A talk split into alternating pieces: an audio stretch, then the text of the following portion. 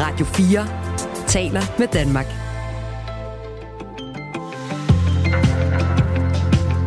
Velkommen til Radio 4 morgen. Ja, velkommen. Vi har øh, ramt torsdagen og har legnet øh, som altid tre spændende timer op, som øh, du kan lytte med på her til morgen.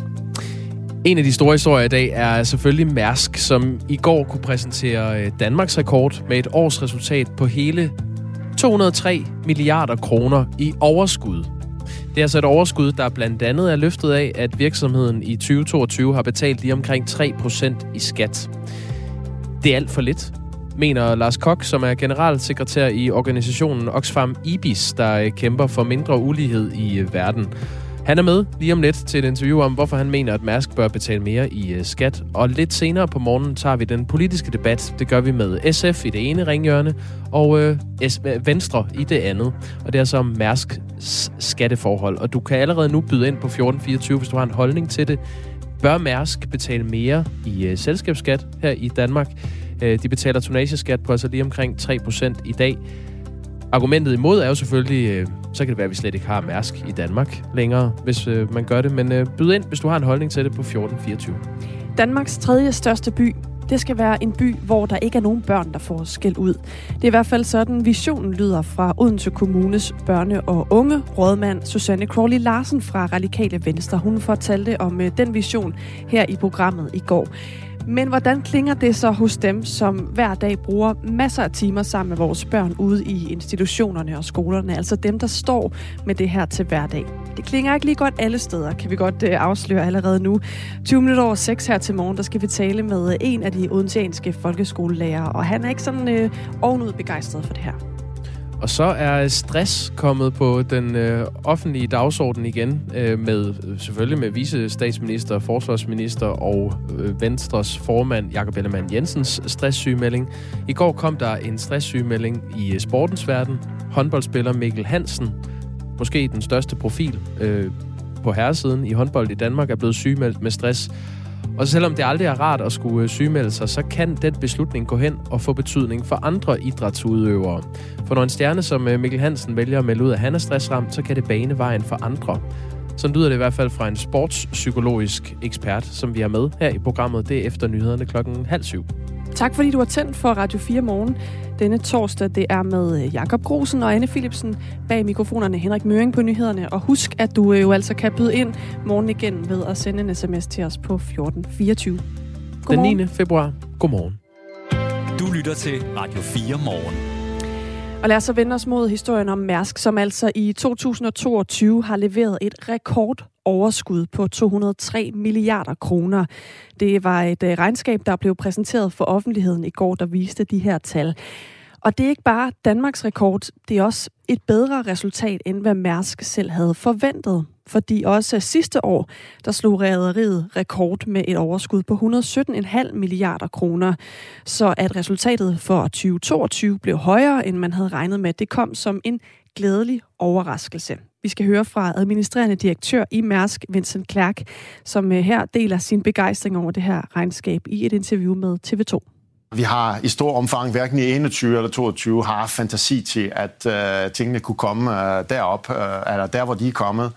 Og det er også derfor, at når man nu lærer fra, at man ikke har fantasi i, i fortiden til at kunne se, uh, da det kom, så skal man også i hvert fald holde sig uh, åben over for, at vi måske en dag kan slå den.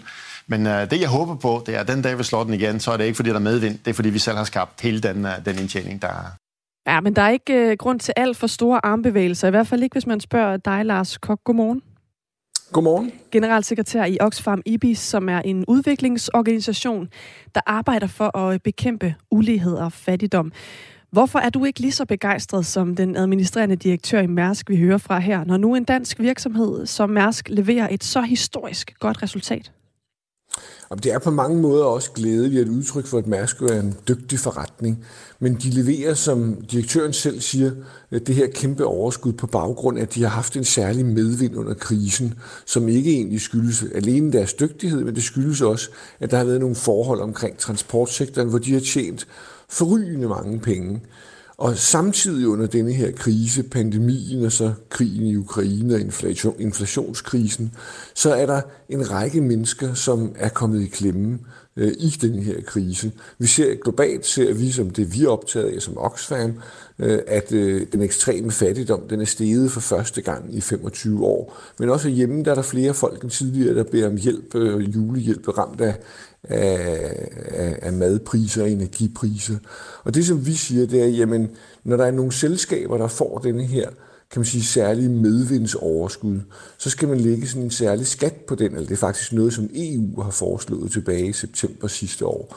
Og så skal man lægge sådan en, en, en skat på det, man kalder overnormale overskud, for at omfordele for dem, der har været for medvind af krisen, til at hjælpe dem, der er blevet ramt af krisen. Som du er inde på her, så skyldes det her overskud i Mærsk jo flere ting, blandt andet altså en øh, større efterspørgsel på varer i kølvandet på øh, coronapandemien. Og derudover så traf Mærsk også i øh, 2021 en aftale, eller et, et valg om at indgå nogle langtidskontrakter med firmaets største kunder. Øh, på den måde kan man sige, ja, der har været nogle ekstraordinære forhold som corona, der har givet nogle øh, rekordhøje indtjeninger hos Mærsk. Andre år, så går det jo knap så godt for rædderierne. Og øh, som det ser ud lige nu, for eksempel, så er der et øh, fald i efterspørgselen på fragt. Er det så ikke, øh, eller hvorfor er det så ikke fair, at øh, Mærsk for eksempel kan nyde godt af, at nu er der nogle gode år, velvidende, at der så nok også kommer nogle magre Jamen, det er fordi, at den, den medvind, som de har, det er ikke noget, de selv har skabt. Det er i høj grad noget, der har skabt det samfundet omkring den. Og den, den, den krise, der har været, som de har tjent penge på, den er der andre, der har tabt meget store penge på, og kommer økonomisk i klemme, altså både i sult og fattigdom, både i Danmark og globalt. Øh, og så grunden til, at de også får det, eller skatten bliver kun 3% på det her meget store overskud, det er, at der er nogle særlige skatteregler for Mærsk, som de selv, kan man sige, aktivt har gjort alt, hvad de kunne for at beholde, i stedet for at, at Mærsk og rederibranchen blev omfattet af nogle internationale skatteregler, hvor de i hvert fald ville skulle have betalt 15 procent af deres overskud. Der har Mærsk de har noget, man kalder tonnageskatteordning, som betyder, at, at, at de har en skattebegunstigelse i virkeligheden. Og det er også, synes vi, sådan lidt unfair, også over for de andre selskaber, som de konkurrerer med i andre brancher, at, øh, at, at man særligt for skibsbranchen har valgt, at de skal have sådan en meget særlig øh, begunstiget skatteordning. Som du er inde på her, er det jo den her tonnageskat, som øh, Mærsk øh, hører ind over. Normalt så ligger selskabsskatten i Danmark på 22 procent, men rædderierne er altså underlagt en anden type beskatning, den her tonnageskat, øh, som af sådan historiske årsager er øh, en beskatning baseret på størrelsen og mængden af rædderiets skibe. Og det er altså derfor, at et øh, firma som Mærsk sidste år betalte omkring 3 procent i skat. Argumentet imod øh, det, du øh, foreslår her, Lars Kok, det er jo, at øh, hvis man øh, skruer op for skattekravene til et øh, selskab som skat, så kan man eller som Mærsk, så kan man risikere, at de faktisk ender med at øh, søge andre steder hen, og på den måde slet ikke måske ender med at betale noget som helst i skat til Danmark. Lige nu betaler de omkring 3% i skat, men når man så øh, tager det ud af et beløb på 203 milliarder kroner, så er det jo også en slat. Er det ikke øh, vigtigere, at de øh, betaler og bliver i Danmark, end at vi øh, laver regler, der gør, at de ender med at flygte? Jo, altså vi skal selvfølgelig øh, sikre, at der er færre konkurrencevilkår. Altså der er, jeg, vi synes på ingen måde, at Mærsk skal have andre skattevilkår end andre rædderiselskaber. Men så kan man sige, man prøvede faktisk at indføre nogle globale skatteregler, hvor man som minimum skulle betale 15 procent i skat af sit overskud. Og der, øh, de regler, der har Mærsk øh, arbejdet meget aktivt for, at rædderibranchen som den eneste branche er blevet undtaget for de her regler. Og det er jo selvfølgelig fordi, at det er mere lukrativt for dem at have den her tonage-skatteordning. Hvis man fik lavet globale skatteregler, hvor alle havde de samme vilkår, og at alle betalte for eksempel mindst 15 procent, jamen, så ville man have en færre konkurrence. Det synes vi er, er rimeligt, at man har en færre konkurrence, men vi synes også, det er rimeligt, at der ikke er en sektor som Mærsk, eller som rederibranchen, hvor Mærsk er, som har nogle helt særlige vilkår, hvor de betaler så lidt i skat. Og som du er inde på her, så, øh, så foreslår du også, at det er noget, der skal komme bredt øh, og besluttes bredt, sådan så det vil gælde for flere. Hvor realistisk ser du egentlig, at det er, at, at det kunne blive en mulighed på sigt, at man øh, gør det sådan, at det gælder globalt for eksempel? Jamen, det, altså det er, der, der var et vindue for det for, for to år siden, hvor man vedtog globalt i øh, en, en nogle nye skatteregler, og det lykkedes Mærsk gennem et meget stærkt lobbyarbejde og, og, og bidrage til, at, at man ikke fik omfattet rederibranchen. Så det er svært at gøre det nu. Øh, der er andre måder, man kan lave nogle af de her skatteaftaler på. Men det man i hvert fald kunne gøre lige nu, som regeringen kunne gøre lige nu, det er at opkræve denne her kan man sige, skat på overnormale overskud, som EU har øh, foreslået, at man gør, og som de fleste andre EU-lande er i gang med at gøre, og lad denne her skat på overnormale selskaber ikke bare være på over på overnormale overskud, ikke bare være for energiselskaber, men også lade den omfatte transportbranchen, så vil man kunne få kan man sige, øh, få Mærsk til at være med til at betale en del af den kriseregning, som ellers lander hos alle os andre. Det her forslag om at, at beskatte overnormalt overskud, det er jo også noget, der har været op og vende politisk herhjemme. Blandt andet har Enhedslisten været ude med et lignende forslag i en, i en anden sammenhæng. Men øh, det, der jo også stiller af spørgsmål, det er, hvem bestemmer, hvad der er et overnormalt overskud, og hvordan definerer man egentlig det? Hvad er dit uh, svar på det, øh, Lars Kok? Der har EU lavet nogle forslag i det direktiv, som de vedtog, som siger, at jamen, man tager sådan tre år forud for den krise, der er. Det vil så være 18, 19 og 20, og siger, hvad var overskuddet der? Og så ser man så, når overskuddet det stiger meget kraftigt i forhold til de foregående år, så siger man, det er det, man kalder et overnormalt overskud. Det er der simpelthen sådan en standardmodel for at beregne. Og så siger man, den del af, af, af overskuddet, der det, man kalder overnormalt, det ligger simpelthen sådan, man sådan en skatteprocent på, som nogle lande ligger den omkring 30, nogle ligger den omkring højere, 30 procent, nogle ligger den højere. Og det er der, hvor, hvor den danske regering har valgt en, kan man sige, en model, som er meget, meget svag i forhold til mange af de andre europæiske lande lød det altså fra Lars Kok, der er generalsekretær i Oxfam IBIS, som er en øh, udviklingsorganisation, som arbejder for at bekæmpe ulighed og fattigdom. Tak fordi du var med her. Vi har selvfølgelig også ragt ud til Mærsk for at høre, om de ville stille op til et interview omkring deres skatteforhold. Det har de ikke ønsket, men til DR, der siger Mærsks skattechef Mette Mellemgaard Jacobsen, Mærsk betaler den skat, vi skal, og det er ikke Mærsk, der fastsætter reglerne, det er politikerne. Vi følger reglerne, og så længe der er ens regler for alle, så er der ikke nogen konkurrenceforvridning. Det er det vigtigste for Mærsk. Hvad politikerne så mener om sagen her, det kan du høre lidt senere øh, på morgen. Vi har Sigurd Agersnap med. Han er skatteordfører for SF, og Kim Valentin, som er Europa- og erhvervsskatteordfører for Venstre. Og vi tager altså den her øh, debat videre med øh, politiske stemmer klokken øh, lidt over halv otte her til morgen. Lige nu der er klokken 17 minutter over 6. I Portrætalbum kommer Anders Bøtter helt tæt på ugens gæst. Jeg elsker det nummer. Hvor vidste ja. du det fra? Jeg ved det har vi ikke snakket om. Nej, det har vi ikke. Men jeg ved noget om musik. Det er lidt ligesom du ved noget om landmænd og træmænd. Og tegner et portræt gennem et album, der har haft en særlig betydning for gæstens liv. Jeg tror, jeg har været ret heldig at jeg faktisk er blevet et okay menneske, for jeg, jeg har også set nogen forvandle sig til monstre. Lyt til Portrætalbum i morgen kl. 17.05. Radio 4 taler med Danmark. Hvis du har holdninger til det, vi øh, behandler her i Radio 4 morgen, så kan du skrive ind på 1424. Det er der flere, der har gjort i kølvandet på det her interview med øh, Lars Kok fra Oxfam Ibis om Mærsk. Øh, Ulrik Detlef Hundfører Jørgensen lytter med fra Nordfyn og skriver, det er simpelthen ikke i orden, at Mærsk har tjent 203 milliarder kroner, og så kun betaler 6 milliarder kroner i skat. Det er bare ikke godt nok. Hvis man tager 1 milliard kroner, så svarer det til over 50 menneskers livsindkomst, som er cirka 20 millioner kroner i gennemsnit. Og så når Mærsk prøver at påvirke den danske stats skatteforslag om en global virksomhedsskat, så stikker det helt af. Og så burde firmaer på den her størrelse opløses i mindre selskaber, når de kan påvirke en hel stat på den måde. Hilsner fra Ulrik fra Nordfyn. Det, som Ulrik øh, henviser til, er øh, noget, som øh, blandt andet blev afsløret i går, at det er. Det handler jo om, at Mærsk tidligere har været ude at sige, at vi er åbne for at betale mere i skat, hvis det sker gennem en global aftale, som bliver vedtaget i samarbejdsorganisationen OECD. Men i går afslørede det er så, at Mærsk øh, faktisk selv har modarbejdet at skulle betale mere i skat af overskuddet i netop en aftale i det her OECD-regi, som blev vedtaget sidste år. Øh, det var også det, som øh, Lars Kok var inde på i interviewet lige før. Det er altså det, som øh, Ulrik her øh, henviser til. Ja, og i et interview med DR i går øh, forklarer skattechef i Mærsk, Mette Mellemgaard Jacobsen, øh, hvad det er, Mærsk har, øh, har gjort. Hun bliver spurgt, Øhm, det her med, at de har arbejdet for, at myndighederne og regeringen skulle forsøge at undtage øh, shipping fra OECD-aftalens minimumskat på 15 procent, så siger hun så, vi var konkret bekymret for, hvordan øh, de her regler ville blive implementeret, og så havde vi en konkret bekymring om, at det ville skabe en øget konkurrenceforvridning.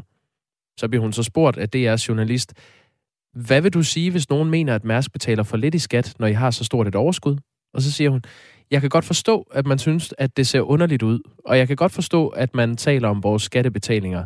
Man skal bare holde sig for øje, at det er to exceptionelle år, vi har haft i shippingbranchen, siger Mærsk skattechef altså.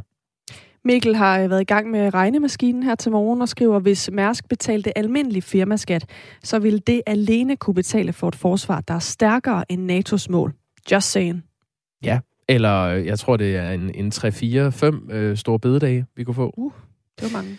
Øh, hvis det er det perspektiv, man lægger ned over det. Du er velkommen til at byde ind i debatten på 1424. Du lytter til Radio 4 morgen. Danmarks tredje største by vil være en by, hvor ingen børn får skal ud, hverken ude eller hjemme.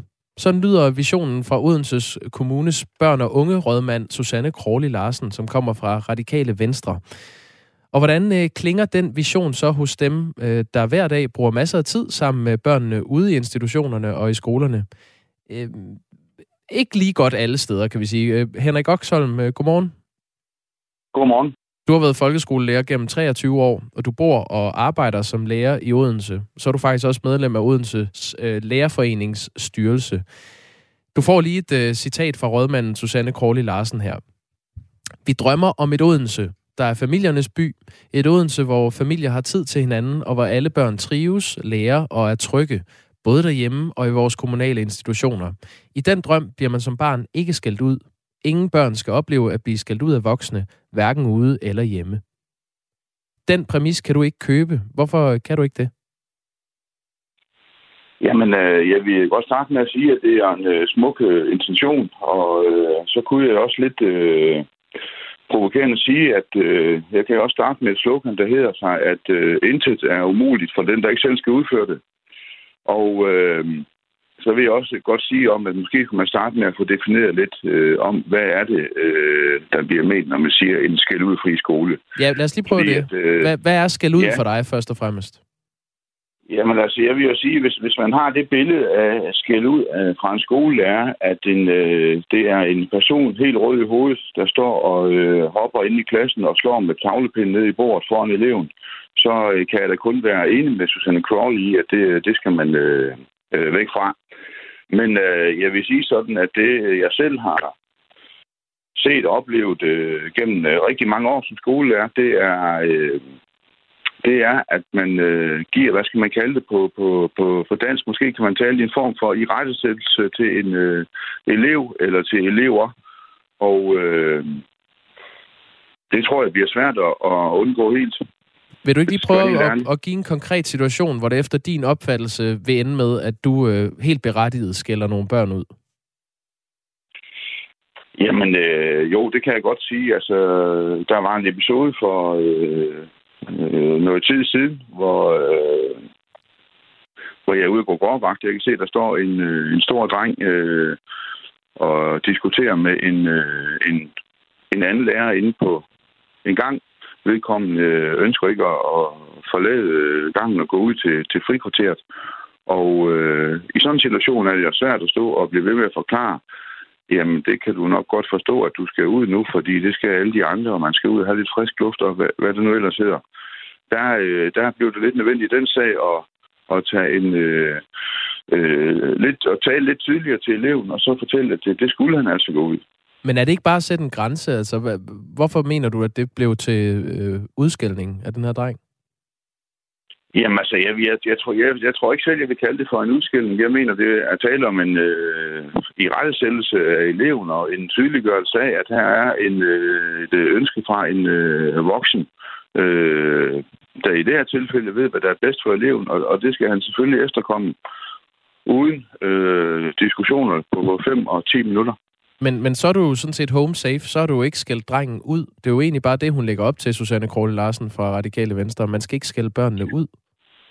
Jamen, øh, det ved jeg sådan set ikke, om det er det, hun øh, mener med det, fordi hvis, øh, som jeg nævnte før, altså definitionen på skæld ud, synes jeg skal, skal måske lidt tydeliggøres, øh, når man taler om en skæld udfri øh, skole. Øh, og så den anden ting handler jo også om, jamen, hvordan er det elever, de opfatter, hvad der er skæld ud i, øh, i dag. Altså er, en, øh, er et nej øh, til en elev, at det, at det opfattes det som skæld ud, hvis man ikke får sit øh, ønske opfyldt? Du får lige en sms fra vores lytter Helle, der skriver, mens, øh, mens ja. vi taler med dig, Henrik Oxholm, øh, folkeskolelærer ja. gennem 23 år i Odense. Helle skriver, trivsel for børn og voksne. Vi bør aldrig skælde hinanden ud, hverken børn eller voksne, da det er skadeligt for vores sjæles trivsel. Derimod kan det blive nødvendigt at sige fra og sætte grænser, både over for sig selv, børn og voksne, på en ligeværdig og myndig måde. Bedst er det at forebygge konflikter med kærlig, venlig og anerkendende væremåde over for hinanden. Er du enig i, i det, Helle skriver? Ja, hun, hun siger også meget, øh, meget rigtigt, at det, det er bedst. Og øh, det kan jeg gerne give hende, øh, give hende øh, ret i. Og øh, jeg vil også tillade mig at sige, efter mange års erfaring som skolelærer, at øh, jeg oplever øh, stort set kun skolelærer, der egentlig vil det bedste for børn. Og alle skolelærer ved, at øh, man, man ønsker ikke at øh, skælde ud, øh, når man er på sit arbejde. Og det gør man ikke af flere grunde. For det første, fordi det er ikke særlig rart at blive skældt ud. Og det ved vi også godt øh, som voksen. Og for det andet, så er det, øh, det er hårdt at være et øh, voksen menneske, der står og skælder ud øh, evigt altid. Så det, det er noget, man øh, meget sjældent ønsker at gøre. Um... Og så er det, som jeg nævnte, så kan det være, så kan, det, så kan det ske en, øh, en gang imellem. Ja. ja, så en gang imellem er det nødvendigt. Det er det, der er din pointe. Jamen, det sker en gang imellem. Det, øh, det tror jeg godt, man kan sige, ja. Vi har talt med, øh, med børneforsker Louise Klinge, og hun øh, siger sådan her om, hvad skal ud kan have af konsekvenser for børnene. Skal ud har mange omkostninger. Øhm, skal ud bringer et barn, øh, gør et barn utrygt, der pumper kortisol ud i blodet, som er et stresshormon, og det tager 3-4 timer før, at det er øh, øh, stabiliseret. Og det betyder, at i de 3-4 timer har børn rigtig svært ved at lege, og de har rigtig svært ved at lære. Det har omkostning for deres trivsel i det hele taget, deres selvværd, og man kan også se langsigtede konsekvenser som depression. Er det noget, du tænker over, når du skiller et barn ud? Nej, jeg tror ikke, jeg kommer til at tænke i, øh, lige i de her øh, specifikke baner, som øh, der bliver nævnt her nu. Men øh, vi ved godt, at øh, det er ikke øh, rart efterfølgende for børn, når de, når de har fået øh, skilt ud. Det er man helt opmærksom på. Har du nogensinde råbt af et barn på arbejde? Ved du, det tror jeg, det tror jeg nok ikke, jeg kan sige mig fri for igennem øh, 23 år. Men øh, jeg vil også sige, at det er meget, meget, meget sjældent, at det er sket. Det her begreb at blive skæld ud fri, det er et begreb, der inden for de senere år har fået mere og mere øh, øh, fokus, og en række skoler rundt i landet arbejder aktivt på at minimere mængden af skæld ud. Vi, øh, vi talte i går med øh, børn- og unge rådmanden i Odense Kommune, Susanne Krogli Larsen fra Radikale Venstre, som har den her vision. Og hun sagde sådan her om behovet for at lave visionen om at øh, gøre Odense til en skældudfri by. Det er ikke nødvendigt at skælde ud. Jeg er, jeg er bevidst om, at det forekommer. Det har vi jo selv undersøgt, både i vores skoler og, og dagtilbud, men jeg synes ikke, det er nødvendigt. Hvad mener du om, at en politiker i Odense siger, at det ikke er nødvendigt at skælde ud? Nej, men nu øh, ved jeg godt, at en politiker har en, øh, en kan man sige, en, øh, en anden opgave, end at, øh, end at jeg har som øh, skolelærer, og hun øh, er med til at, øh, at udstikke nogle andre rammer for det, og så er jeg en af dem, der skal føre dem ud i livet. Og øh, på den ene side øh, vil jeg gerne ønske, at det var sådan, som øh, Susanne Crowley, hun øh, nævner det her nu, og øh, jeg vil også gerne være enig med hende i, at det ville være det ideelle, hvis det aldrig nogensinde skete. Og jeg er egentlig også enig med hende i, at vi skal arbejde på, at det ikke sker, eller det i hvert fald sker så få gange som muligt. Så vil jeg godt henlede opmærksomheden på også, at øh, nu har Odense Kommune og igennem en lang årrække været, øh, øh, har skoleområdet jo været udsat for øh, besparelser også. Og øh, fra 2014 af, hvor øh, det store inklusionstog, det kørte ind over Danmark. Det er jo en opgave, hvor man øh, beholder flere elever med særlige behov ude i klasserne. Og det er jo med til at udfordre en øh, klassedynamik og øh, selve øh, opgaven at stå som øh, voksen fagperson inde i klassen. Klasserne er blevet større, og der er måske kommet et større spænd mellem elever. Der er også forældregrupper, der har øh, andre ønsker, end man førhen havde. Øh, der er store projekter, der ruller ind over øh, folkeskolen. Mm. Man bruger meget tid på øh, sagsbehandling osv. Så, så, så, så man står med mange forskellige opgaver øh, som skolelærer i dag. Henrik Oxholm, du skal have tak for at, øh, at byde ind med øh, ja, et vidneudsagn for virkeligheden. Ja.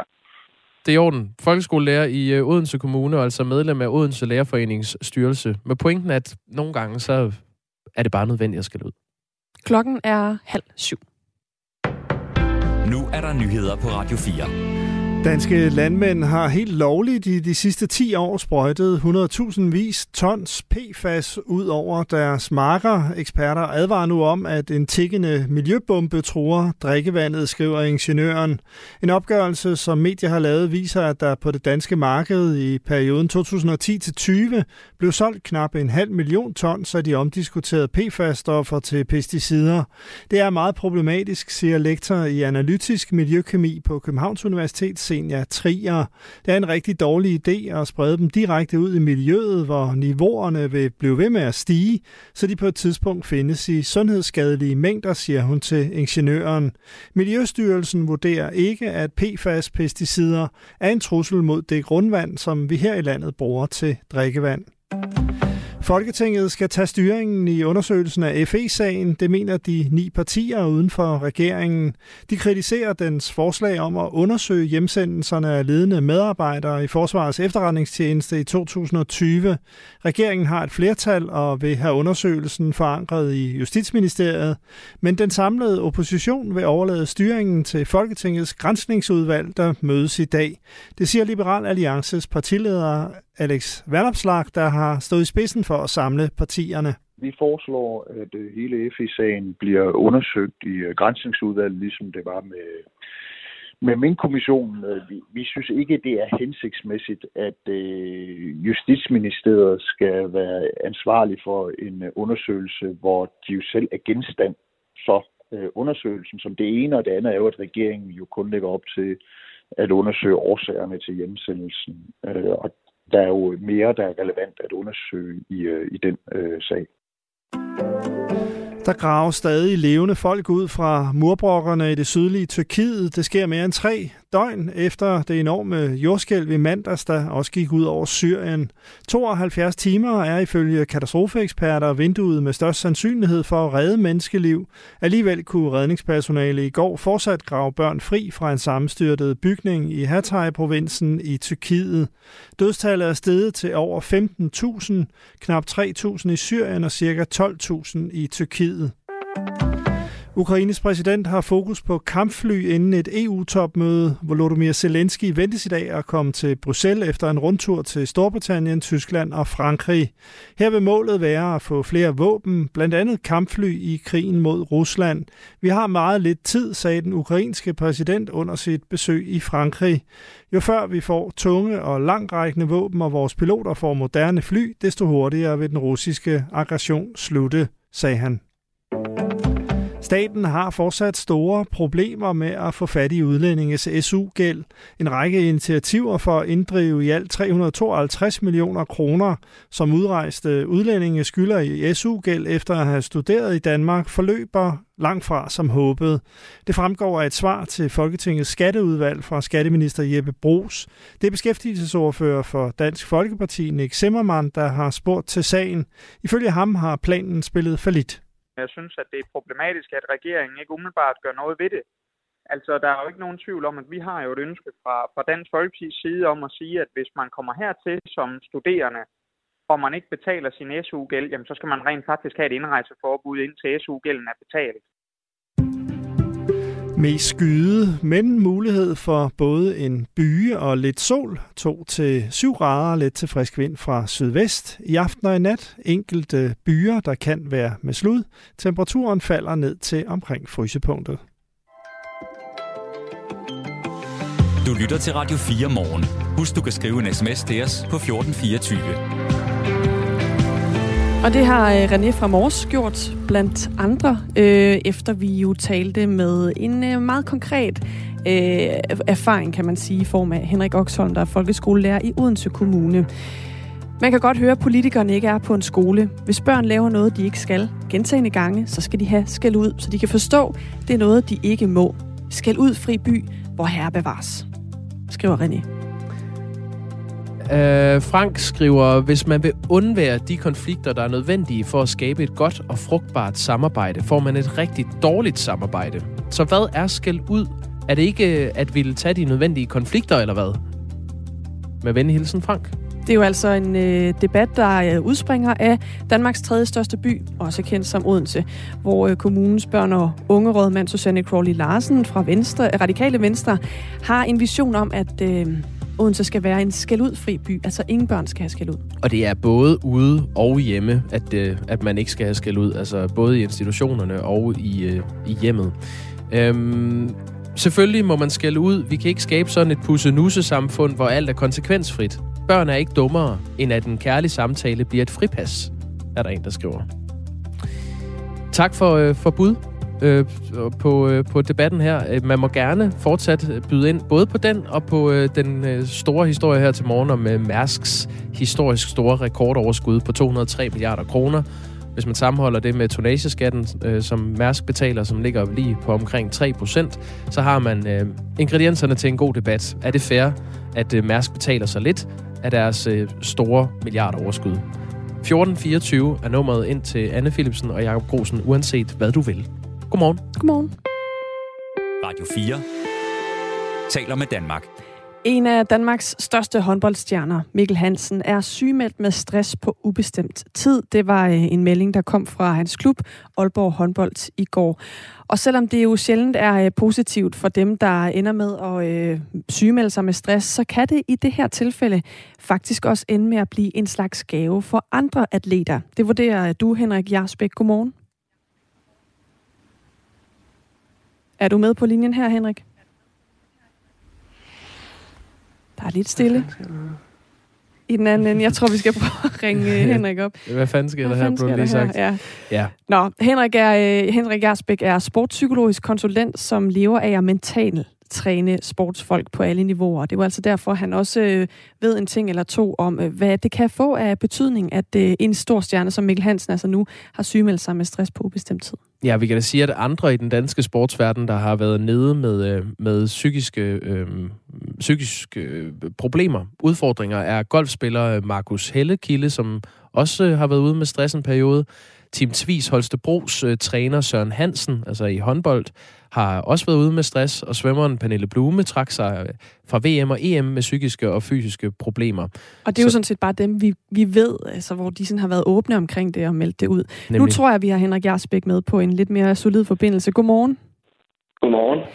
Jeg nævnte før, at øh, du jo vurderer det her med øh, Mikkel Hansens sygemelding faktisk kan ende med at få nogle øh, på en eller anden måde øh, positive konsekvenser, hvis man kan sige det, for andre sportsprofiler. Øh, Hvad betyder det for andre øh, sportsudøvere, når øh, Mikkel Hansen melder ud, at han har stress? Det betyder faktisk rigtig meget, fordi Mikkel Hansen er jo en, man, man ser op til. Han er en af dem, som, som, som folk øh, forbinder med at være verdens bedste, i og med, at han er blevet kåret til det. Han er lige kåret til om verdensmester, så Mikkel Hansen har nogle ingredienser, som mange andre unge, både håndboldspillere, fodboldspillere og andre atleter ser op til. Og når han går ud og siger, jeg har faktisk nogle mentale udfordringer, som kan være, jamen det kan være alt lige fra stress, det kan være angst, det kan være meget nervøsitet, det kan være svær indre dialog, som alle eliteudøvere faktisk har. Men når vi hører nogle af de bedste sige det, så, så bliver det lidt en befrielse for mange af de unge, for de finder ud af, okay, så er det faktisk ikke mig, der er noget galt med, for selv nogle af verdens bedste har det på samme måde. En øh, atlet som Mikkel Hansen er jo sådan en, mange af os har set øh, være under et voldsomt pres og klare det super godt hver gang. Altså stået til de der straffekast, hvor man tænker, det er knald og fald det her adskillige gange. Øh, og derfor er der måske også nogen, der kan have en tendens til at se på, øh, på Mikkel Hansen som en mand, der nærmest øh, er uovervindelig og, og man ikke kan rokke ved. Hvad skyldes det, når en topatlet som Mikkel Hansen, som jo har været i toppen i mange år, får stress? Ja, men jeg synes også, det er meget vigtigt at sige, at Mikkel Hansen er jo også tæt på at være uovervindelig, fordi at altså, mental styrke og resiliente øh, ansatte medarbejdere eller, eller atleter, som vi gerne vil have i vores samfund, det kommer jo, når man bliver eksponeret for noget, som er svært. Og Mikkel Hansen har været eksponeret for meget stress og meget pres og store forventninger og krav og medier. Og det gør bare, at han bliver resilient, han bliver mentalt stærk, fordi han bliver eksponeret for det her pres, og han står imod det. Men når noget har stået på igennem længere tid, i for lang tid, altså stress kortvarigt kan godt være fint nok, det er også noget, der bruges som man kan sige, benzin og bålet til at præstere bedre. Men hvis det er stået på i for lang tid, så kan det godt have en skadelig virkning, og så kan man begynde ja, hvor kroppen faktisk modarbejder en, man restituerer ikke særlig godt, man sover ikke godt længere, og kroppen begynder faktisk bare at gøre det sværere for en at være sig selv. I øh, generelt i samfundet, der er andelen af voksne danskere med en høj score på stressskalaen steget fra 21 procent i 2013 til 29 procent i 2021. Og øh, på den måde det her jo også blevet øh, noget, vi vi taler mere om. Øh, tidligere på ugen har vi talt om det i den politiske verden. Nu er det så sportsverden, hvor det bliver et emne igen. Øh, vi har øh, var lige omkring før nogle af de øh, danske sportsudøvere som, øh, og elitesportsfolk, som har været ude at sige, at de har været ramt af stress eller haft øh, psykiske problemer. Tror du, at stress er, er mere udbredt blandt sportsfolk, øh, end vi egentlig ved? Ja, det er det helt sikkert. Fordi sportsfolk, de, de kæmper, ligesom alle mulige andre danskere gør, men de kæmper med, at man skal blive den bedste, man skal blive hurtigere, man skal blive stærkere, og man skal komme igennem modgang og smerte. Og, og det, altså det her, det er jo midlertidig modgang, hvis man, hvis man bliver stresset, og man har symptomer, rent mentalt og fysiologisk set. Og det får man jo selvfølgelig nævne til igennem sportens verden, at øh, komme igennem. Og nogle gange kommer man igennem det på en rigtig god måde. Det gør man ofte set. Det gør man helt sikkert som eliteudøver. Så det er ikke noget med, at de er udsat for et eller andet skadeligt mentalt helbred. Det er det slet ikke man lærer at komme igennem det, de ting, som er svære, som er en del af livet og en del af karrieren. Men når jeg stået på for lang tid, jamen, så, så kan det så gå hen og blive en problematik, som, øh, som så gør, at Mikkel han faktisk gør det rigtigt nu, at han, han træder lidt på bremsen, og han ikke øh, skal til at præstere længere, og han ikke skal give udvikling, fordi han er ikke i en tilstand nu, hvor han faktisk skal udvikle sig. Han har brug for at trykke på bremsen og lige få lidt ro på, så kroppen igen og hovedet igen er med ham, og så kan han begynde, igen begynde bagefter at være sig selv, og dernæst at være sin bedste udgave af sig.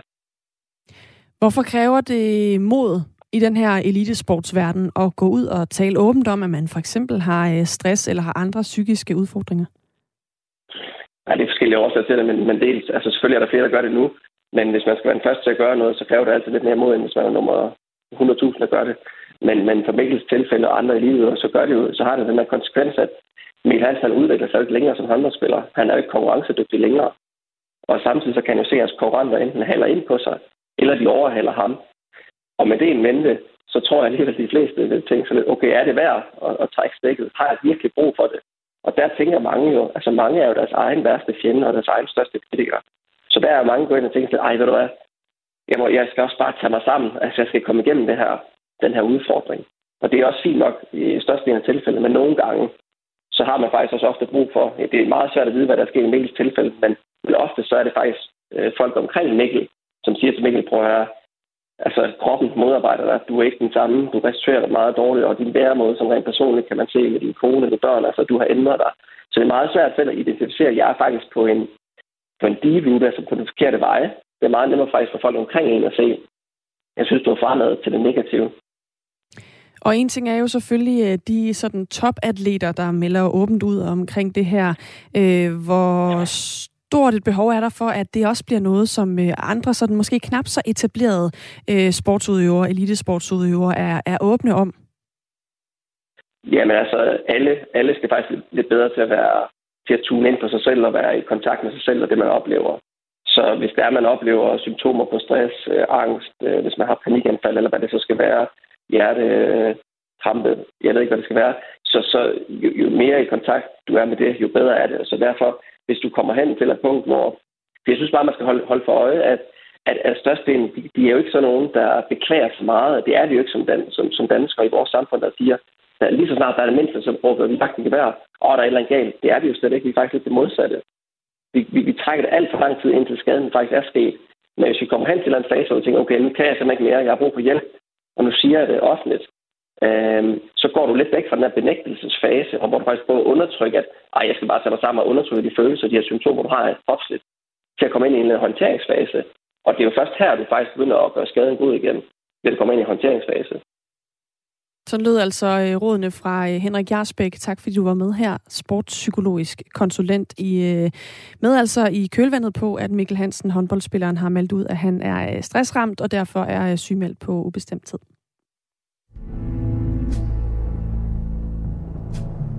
Hello, hello, hello. Is there anybody in there?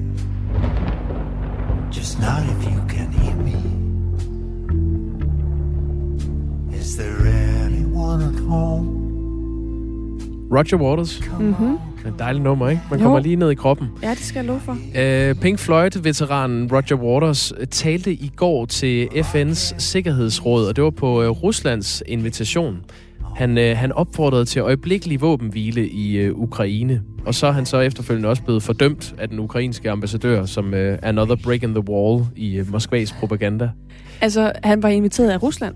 Ja, der har været en, øh, en del skærmysler, fordi øh, øh, Dmitri Poljanski, som er Ruslands øh, første øh, stedfortræder for landets FN-ambassadør, skrev i et opslag på Telegram øh, forleden, at den øh, 79-årige rockstjerne, kendt fra Pink Floyd, øh, gerne måtte komme på talerlisten ved gårdsdagens øh, sikkerhedsmøde i øh, FN's øh, Sikkerhedsråd, fordi de skulle di- diskutere våbenleverancer til Ukraine. Ja. Og øh, det var der øh, nyhedsbureauet Reuters havde talt med et øh, medlem af FN's øh, Sikkerhedsråd, som øh, på betingelse af anonymitet gav følgende citat om den invitation. Russisk diplomati plejede at være seriøst, men hvad bliver det næste? Mr. Bean? Øh, men det kom altså til at ske, og han, øh, han trådte frem, Roger Waters, via et øh, videolink øh, med en lysebrun øh, tweetjakke på. Altså det havde Roger Waters. Og øh, han, han sad i en øh, hytte i øh, Schweiz, og så talte han ellers til forsamlingen. Øhm, han sagde, at det er rigtigt, at han var inviteret øh, til at tale af den russiske delegation, men han hævdede selv at repræsentere 4 milliarder eller deromkring brødre og søstre. Hvad betyder det? Størstedelen af menneskeheden. Han Nå, mente, at han dem. talte på menneskehedens vegne. Okay. Og øh, han opfordrede til, til våbenhvile, og var sådan lidt øh, både på den ene og den anden side, Mm. øh, Roger Waters, og det er jo også derfor, Rusland har inviteret ham til at tale. Ja. Han, øh, han har givet et interview forleden til øh, Berliner Zeitung, hvor han har været øh, meget rosende over for Vladimir Putin. Han har sagt, øh, at Putin regerer omhyggeligt og træffer beslutninger på grundlag af en konsensus i den russiske føderations regering. Hold da op. Øhm, ja, så øh, han, han var ikke helt lige så, øh, så øh, skarp i sine udtalelser til Sikkerhedsrådet i går, men han sagde, at den russiske federations invasion af Ukraine var ulovlig. Jeg fordømmer den på det kraftigste. Men den russiske invasion af Ukraine var heller ikke uprovokeret, så jeg fordømmer også provokatørerne på det kraftigste. Okay, så har man ikke sagt for meget, vel? Ej, det er sådan øh, må- eller måske har man. side. Ja. han, øh, ja, han fik ros af den, øh, den russiske øh, diplomat bagefter. Det var en meget præcis analyse af begivenhederne, mente Okay. han. Nå. Så øhm, ja. Jeg ved ikke, hvis man ikke gider at høre på, hvad han har at sige, så kan man bare høre hans musik. Vi kan lige høre 10 sekunder mere. Can you stand up? Stand up, stand up, stand up. I do believe it's working. Good. That'll keep you going through the show. Come on, it's time to go. Klokken er 12 minutter i syv. Du lytter til Radio 4 morgen. Det ulmer i SF's øh, bagland lige nu.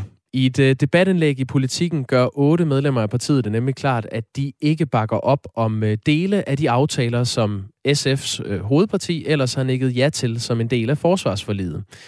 Det, øh, det drejer sig hovedsageligt om, at SF har accepteret våbenkøb fra den israelske producent Elbit som erstatning for det udstyr, der øh, sendes til Ukraine. En af kritikerne og afsenderne af debatindlægget er dig, øh, Hans Nebel. Godmorgen. Ja, godmorgen. Medlem af SF, tidligere formand for SF's fredspolitiske udvalg, og så er du også tidligere aktivt bestyrelsesmedlem i Dansk Palæstinensisk Venskabsforening. Så er du ligesom Det er rigtigt. deklareret. Ja. Hvorfor mener du, at det er et problem, at SF har accepteret køb af nyt artilleri fra øh, den israelske våbenproducent Elbit? Jamen, det er da et problem alene af den grund, at øh, en besættelsesmagt, som jo Israel er, øh, at, at, øh, at øh, vi fra dansk side af regeringen øh, går hen og, og, og handler med, med Elbit, som i øvrigt er andre danske øh, fagforeninger, de er, den er blacklistet. Øh, Ja, altså det, det er jo som sagt i forbindelse med, at SF øh, er en del af det nuværende forsvarsforlig, at hovedpartiet har sagt god øh, til det her potentielle køb af blandt andet 19 selvkørende Atmos havbitser. Altså en, en havbitser er en mellemting mellem en almindelig kanon og så en, en morter. Og de skal hurtigt erstatte de øh, Cæsar havbitser, som øh, er doneret til Ukraine. Det omfatter også otte raketkastesystemer som øh, supplement til de nye artillerisystemer. Og Danmarks to største pensionsselskaber, PFA Pension og Danica Pension, er blandt dem, der ikke investerer i øh, den israelske virksomhed Elbit. Og det skyldes, at Elbit leverer udstyr til Israels operationer mod palæstinensere. Er, er det også det, der, der falder dig for brystet? Jamen, det er det da. Øh, fordi det, øh, alt andet lige, så kommer det til at støtte den øh, besættelse, den meget hårde besættelse, og den i stigende grad, øh, altså voldsomme øh, besættelse, som øh, Israel øh, udøver imod Pal- Palæstina, mod palæstinenserne. Er, er du, øh, er du Israel-kritisk, Hans Nebel? Jamen, øh, jeg har haft et arbejde i 14 år, som, øh, som øh, både projektkoordinator, men også tilsynsførende på øh, Danida støttede projekter i øh, Palæstina. Øh, øh, øh, og som sådan, altså det vil sige Palæstina, Vestbreden, Øst-Jerusalem og Gaza, har de, øh, er de blevet øh, udøvet, de der, eller, eller øh, de der projekter. Øh, og derfor har jeg skulle gå på de palæstinensiske markeder øh, og, og, og være i de palæstinensiske landsbyer. Øh, så jeg kan ikke undgå at være påvirket af, at, øh, at øh, den forværing, som den nuværende regering, øh, Israels regering altså, øh, at den, den udøver øh, i Palæstina med, med trusler om endnu større øh, inddragelse, øh, eller ja, hvis jeg må tillade mig at sige, skæling, øh, tyveri øh, af palæstinensisk jord, direkte øh, fra palæstinenserne. Det, det, det, det, det, det kan da ikke være uden upåvirket af, at man så øh, køber hos en, en våbenproducent, der i den grad leverer våben til, til den besættelse. Øh, det skal siges her, at, at det israelske samfund oplever en, øh, en decideret voldsspiral lige nu. Øh, der er, har været en del terrorangreb begået af palæstinenser i israelske byer på det seneste. Øhm, og det er bare også en, en del af historien her. Hans Nebel, I står ikke alene med den her kritik, som I kommer med i et debatindlæg af SF, men, men hvorfor har I valgt, at det her det er en kritik, der skal rejses i det, det offentlige rum? fordi der er brug for, at øh, vi som danske skatteydere, at vi skal vide, hvad er det, at øh, vores, øh, vores øh, skattekroner, de bliver brugt til øh, i, i virkeligheden, hvis man skal tage, tage hele billedet med, og ikke bare, bare skubbe det væk, skjule det, øh, øh, så, så, så, så øh, er det en, en, en forværing af den Øh, besættelse, som øh, Israel udøver og udøver jo siden lige i 1967. Har I også rejst den her kritik internt i SF? Ja, det har vi da. Hvordan er det blevet modtaget? Vi, øh, jamen, nu er det egentlig lidt nyt. Altså, hvis jeg husker ret, var det ikke i går, det var i, i politikken. Oh. Øh, øh, og, og, og øh, men altså, men i SF, der, altså, vi er mange år i medlemmer af SF, der, der snakker vi altså om tingene. Der er højt til loftet og langt til døren. Nå nej, det er over i øh, venstre, der er det. Jamen altså, jeg vil være, der være en dårlig SF'er, hvis ikke jeg øh, øh, fortalte, hvad jeg, både hvad jeg mente, men altså også, hvad vi har gang i, som vi nu er en række SF'er, der har, fordi det, det simpelthen øh, falder os i den grad for brystet. I det her debatindlæg, øh, Hans Nebel, der skriver I blandt andet, SF gik med i det nationale kompromis på forsvarsområdet for at få indflydelse på de store øh, fremtidige investeringer. Nu har SF ja. alligevel godkendt våbenkøb fra en israelsk producent, Elbit, som er blacklistet ja. af flere pensionsselskaber, uden ja. at SF til synlædende har fået noget igen. Den ja. sidste sætning der, synes jeg er interessant. Hvad, hvad er det, I mangler, øh, at SF får igen? Jamen, øh, vi, vi, vi mangler der altså at øh, der skulle have været sagt, at nu måtte man øh, stoppe den øh, øh, det, tyveri af, af jord og det, den øh, flytning og fordrivelse af palæstinenser, øh, øh, det over, hvis det overhovedet skal komme øh, kom på tale, at man skal have noget med, med, med Danmark at gøre som regeringen, så jo, nu, er det jo, nu er det jo altså regeringen, øh, der, der handler her. Det må, skal vi jo ikke lige glemme i det hele. Øh, at, øh, med, med købet af, øh, af øh, de der øh, øh så det, det, det, det må vi da have frem, øh, og det skal da ikke kun være hos os i SF, hvor vi selvfølgelig skal diskutere det, og det bliver det også, det er helt sikkert. men, men, men, men prøv at, er det, er, det, er det Israel, du er, altså jeg, forstår, du er kritisk over for Israel, men, men det lyder mere som om, at det er, det er Israel, du retter din kritik mod, end det egentlig er den her våbenproducent uh, Elbit. Helt konkret uh, er jeg der imod uh, Israels uh, besættelse af øh, af Palæstina, Af Israels fordrivelse af den palæstinensiske folk fra deres byer, landsbyer øh, og fra deres jorder, øh, som jeg har træsket rundt i, i på, jeg ved ikke hvor længe, øh, og så videre. Det, det, det, det, det kan der ikke være andet end i, i den grad imod. Så vel som mange øh, israelere selv er imod det. Jeg har da mange øh, både bekendte og venner i Israel, Øh, og, og, og der står jeg der ikke alene med det, som jeg øh, har været engageret i, og som det, som jeg siger nu heller.